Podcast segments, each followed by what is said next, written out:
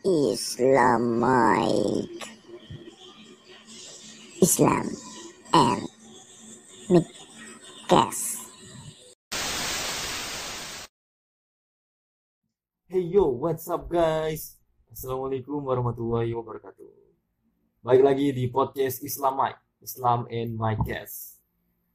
Em, episode kemarin atau episode sebelumnya kita sudah bahas tentang cinta ya bersama dengan Bung Gismon. Dan hari ini seperti yang sudah saya janjikan, kita masih bersama dengan eh, Bung Gismon, sang eh, bait-bait perindu.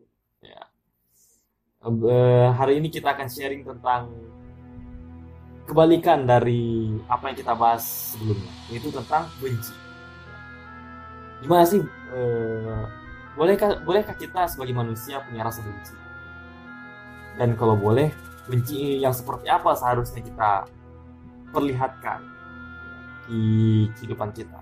Dan saja eh, ini- ini bisa menjadi sebuah edukasi juga untuk teman-teman kaula muda yang mungkin hidupnya ya amit-amit lah ya penuh dengan rasa benci atau eh, selalu menemukan hal-hal yang membuat hatinya benci dan sulit menerima rasa cinta ya kita akan bahas kembali bersama Bung Gisman Assalamualaikum Bung Gisman Waalaikumsalam Jeffrey. ya Masya Allah masih sema- masih semangat menemani kita hari ini Saya akan selalu semangat untuk pendengar yang luar biasa ya. Insya Allah siap-siap. Oke, pembahasan kita hari ini, Bung, eh, seperti yang tadi saya katakan di awal, em, jika benci itu harus ada, benci seperti apakah yang harusnya diperlihatkan oleh eh, makhluk itu, khususnya manusia. Nah, akan tapi yang perlu kita ulas dulu lebih kepada eh, hal yang fundamental dulu kenapa benci itu hadir dalam kalau kemarin kita bahas benci itu hadir karena keikhlasan apalagi muncul karena sang pemilik cinta. Apakah benci ini ada pemilik bencinya juga sehingga benci itu hadir dalam kehidupan manusia gimana benci Ya, Bismillahirrahmanirrahim. Assalamualaikum warahmatullahi wabarakatuh. Waalaikumsalam Semoga kita selalu diberikan kesehatan amin amin kepada saudara-saudara kita. Oke, kita kembali kepada pertanyaan yang menarik lagi tentang benci ya. Hmm. Apa yang membuat itu hadir? Ya. Bila kita kami dari makna benci itu adalah seseorang yang merasa tersakiti ya, Hmm. sehingga mencari benci sendiri. Hmm. Seorang merasa sakit sehingga dia memiliki apa ya keinginan-keinginan negatif dalam dirinya untuk seseorang tersebut Hmm. baik itu karena pengalaman yang buruk Iya. karena pernah dihina, dicemooh ataupun hal-hal lainnya yang membuat hatinya terluka. Kita kembali kepada pertanyaan, Hmm. bagaimana ada awal dari benci itu sendiri? Ada. Dalam bukunya Ali Syariat, tugas cendekiawan muslim. Ali Syariat ini mengungkapkan di situ bahwasanya bagaimana proses penciptaan manusia Hmm. yang mengatakan bahwasanya manusia itu diciptakan dengan dua unsur itu unsur yang suci dan unsur yang unsur yang suci itu sendiri adalah dari Tuhan sendiri dari ruh Hmm.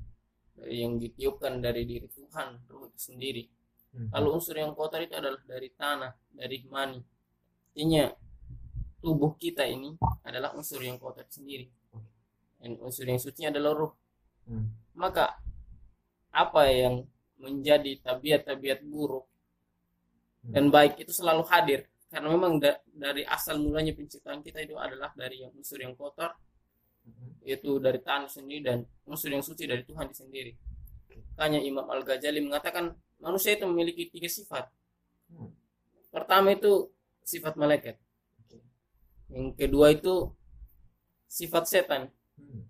yang ketiga itu sifat hewan nah, dari sinilah di dalam hati seseorang itu ada memang sifat-sifat itu Iya.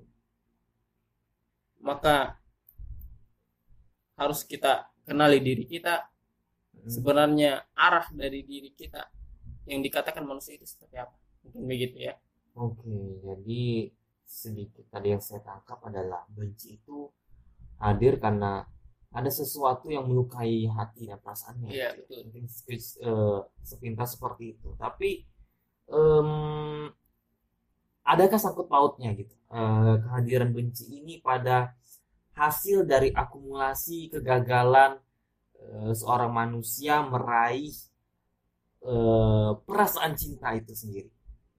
Mungkin dia gagal untuk mendapatkan tambatan hatinya, lalu pada akhirnya timbul rasa benci. Ya, walau alam benci pada dirinya sendiri atau benci kepada pilihan dari eh, seseorang yang akan kagum tidak saya tidak tahu. Eh, tapi bisakah dikaitkan hal semacam itu gitu? Benci karena hasil dari kegagalan cinta itu sendiri.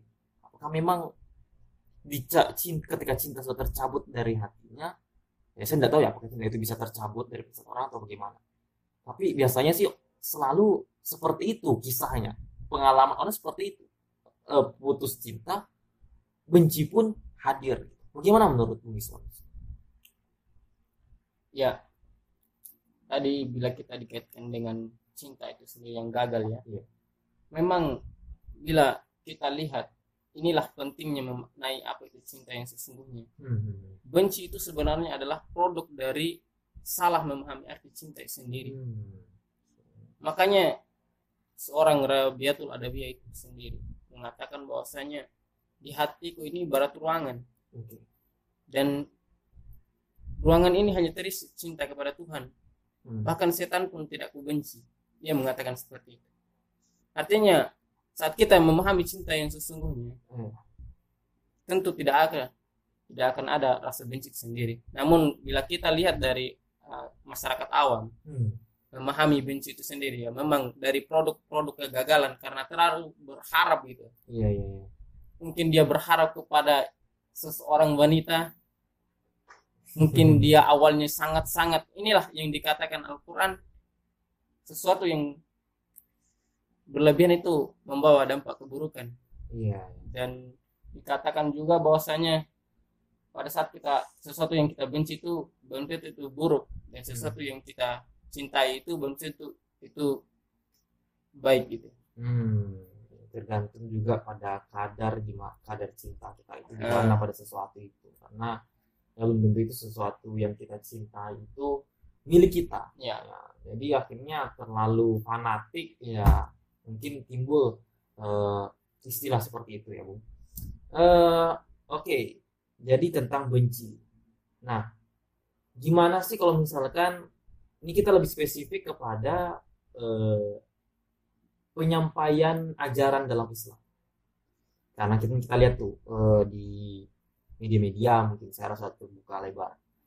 Eh, ada pendakwah ada penceramah yang kemudian eh, saya tidak tahu ya tapi dari kalimat-kalimatnya itu dia membenci sesuatu lalu kemudian menggiring opini jamaah untuk membenci sesuatu itu juga benci pada sesuatu itu Eh, untuk eh, mungkin kesimpulan dari dia atau maksudnya dia adalah bagaimana menyingkirkan itu agar bisa lebih dekat kepada ajaran Islam itu sendiri. Jadi langsung menjudge bahwa itu tidak baik dan kemudian dibikin opini. Kalau misalkan kita berbicara tentang dari metode dakwah tasawuf gitu, perlukah kita menggunakan kalimat-kalimat yang berbau benci itu sendiri?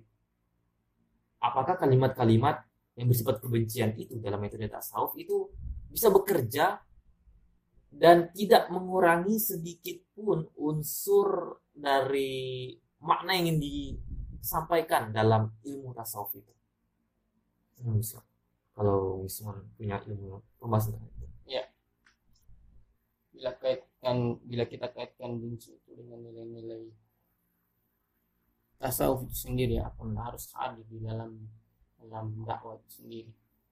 Ya perlu kita pahami bersama. Pendek apa yang saya pahami bahwasanya benci itu kita lihat produk tasawuf kan adalah bagaimana dia mencintai apa yang Tuhan cintai dan membenci apa yang Tuhan benci Hmm. artinya benci itu perlu saat itu memang dari Allah perintahkan ya kita benci sesuatu yang maksiat Iya. itu kan hal-hal yang memang baik untuk diri kita dalam fitrahnya kan gitu. Hmm. artinya benci itu harus memang hadir namun benci ini juga jangan kita salah tempatkan Hmm. karena banyak orang yang menganggap benci ini salah ditempatkan contoh kita sering dalam dunia-dunia dakwah itu sering salah menyelah Iya. iya. akhirnya apa tujuannya sama untuk kepada Tuhan namun memiliki beberapa kubu-kubu masing-masing Iya. karena ada kebencian saling membenci sama, sama lain Oke. padahal padahal Islam mengajarkan bahwasanya itu sendiri penting Hmm. seperti bangun yang kokoh Hmm. Maka kita tempatkan benci pada tempatnya gitu. Hmm. kalau kita ingin benci manusia itu salah. Karena pada dasarnya memang manusia ya terlahir sempurna. Namun kita balik lagi.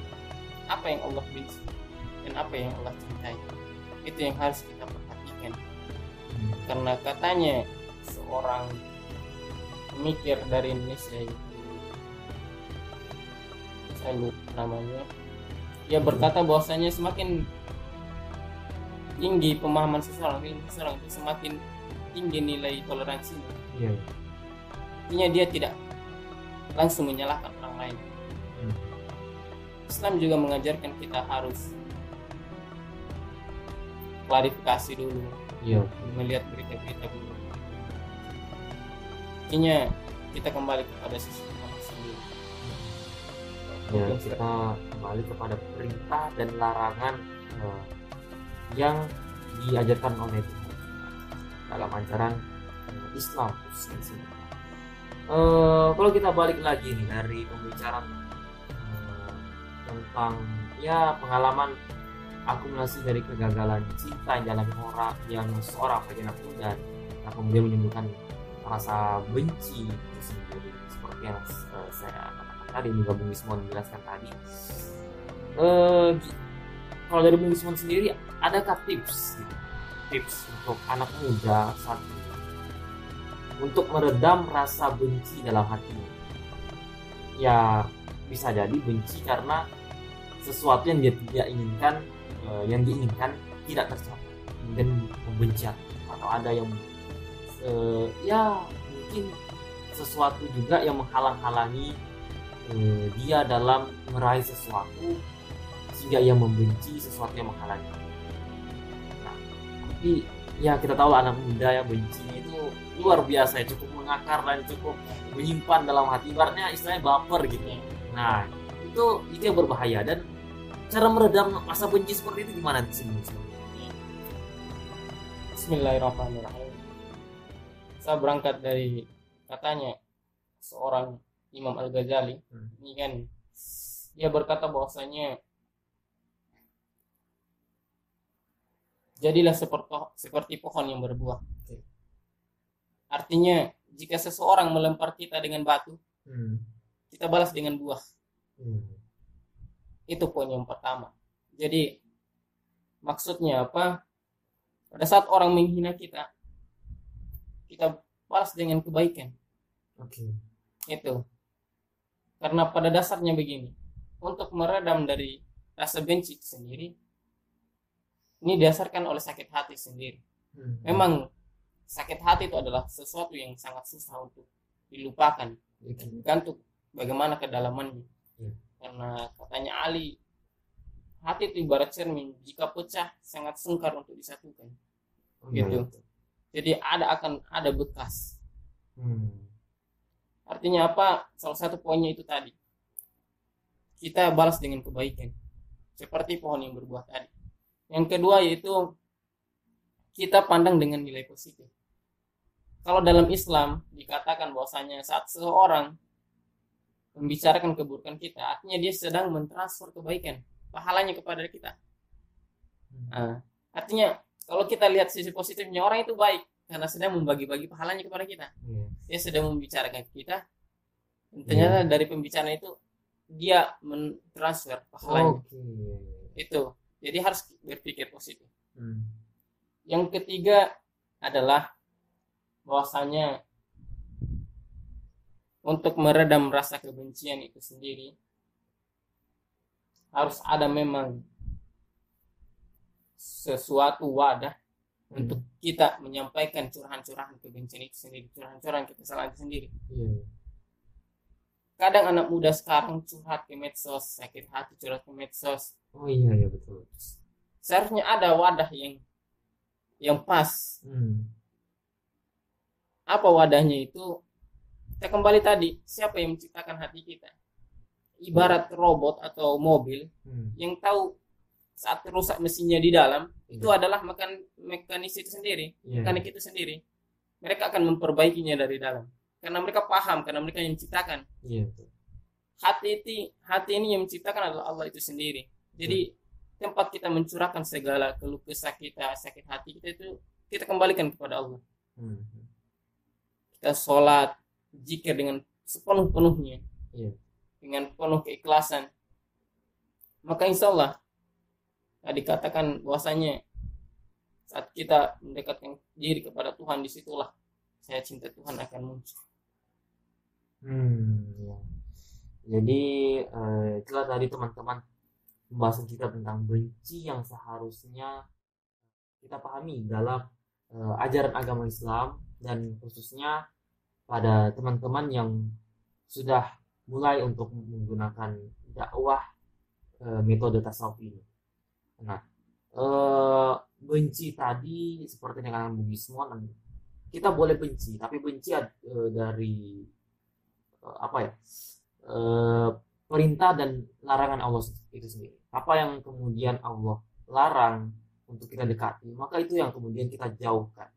Yang kita benci pada hal itu untuk bisa tetap pada eh, jalan kebenaran.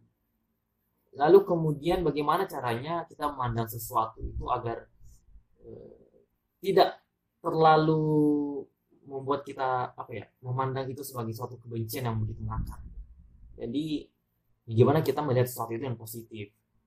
Kita dapat hal yang buruk kita balas kita respon dengan sesuatu yang baik atau mungkin bahkan lebih baik. Seperti itu. Ya terima kasih Bung Ismon sudah sharing-sharing pada episode hari ini. Tentang benci yang seharusnya. Ini sudah diajak sama Bung Ismon dan eh, teman-teman kalau memang eh, ingin berbicara dan eh, sharing lebih banyak dengan Bung Ismon teman-teman langsung saja ke Instagramnya itu at Ismon S ya ya at ya, DM saja dan insya Allah akan direspon dengan baik oleh uh, Bung Gismon. Terima kasih banyak Bung Gismon atas sarannya hari ini dan juga teman-teman semua. Eh, tetap nantikan juga episode-episode eh, dari podcast Islamai selanjutnya. Assalamualaikum warahmatullahi wabarakatuh.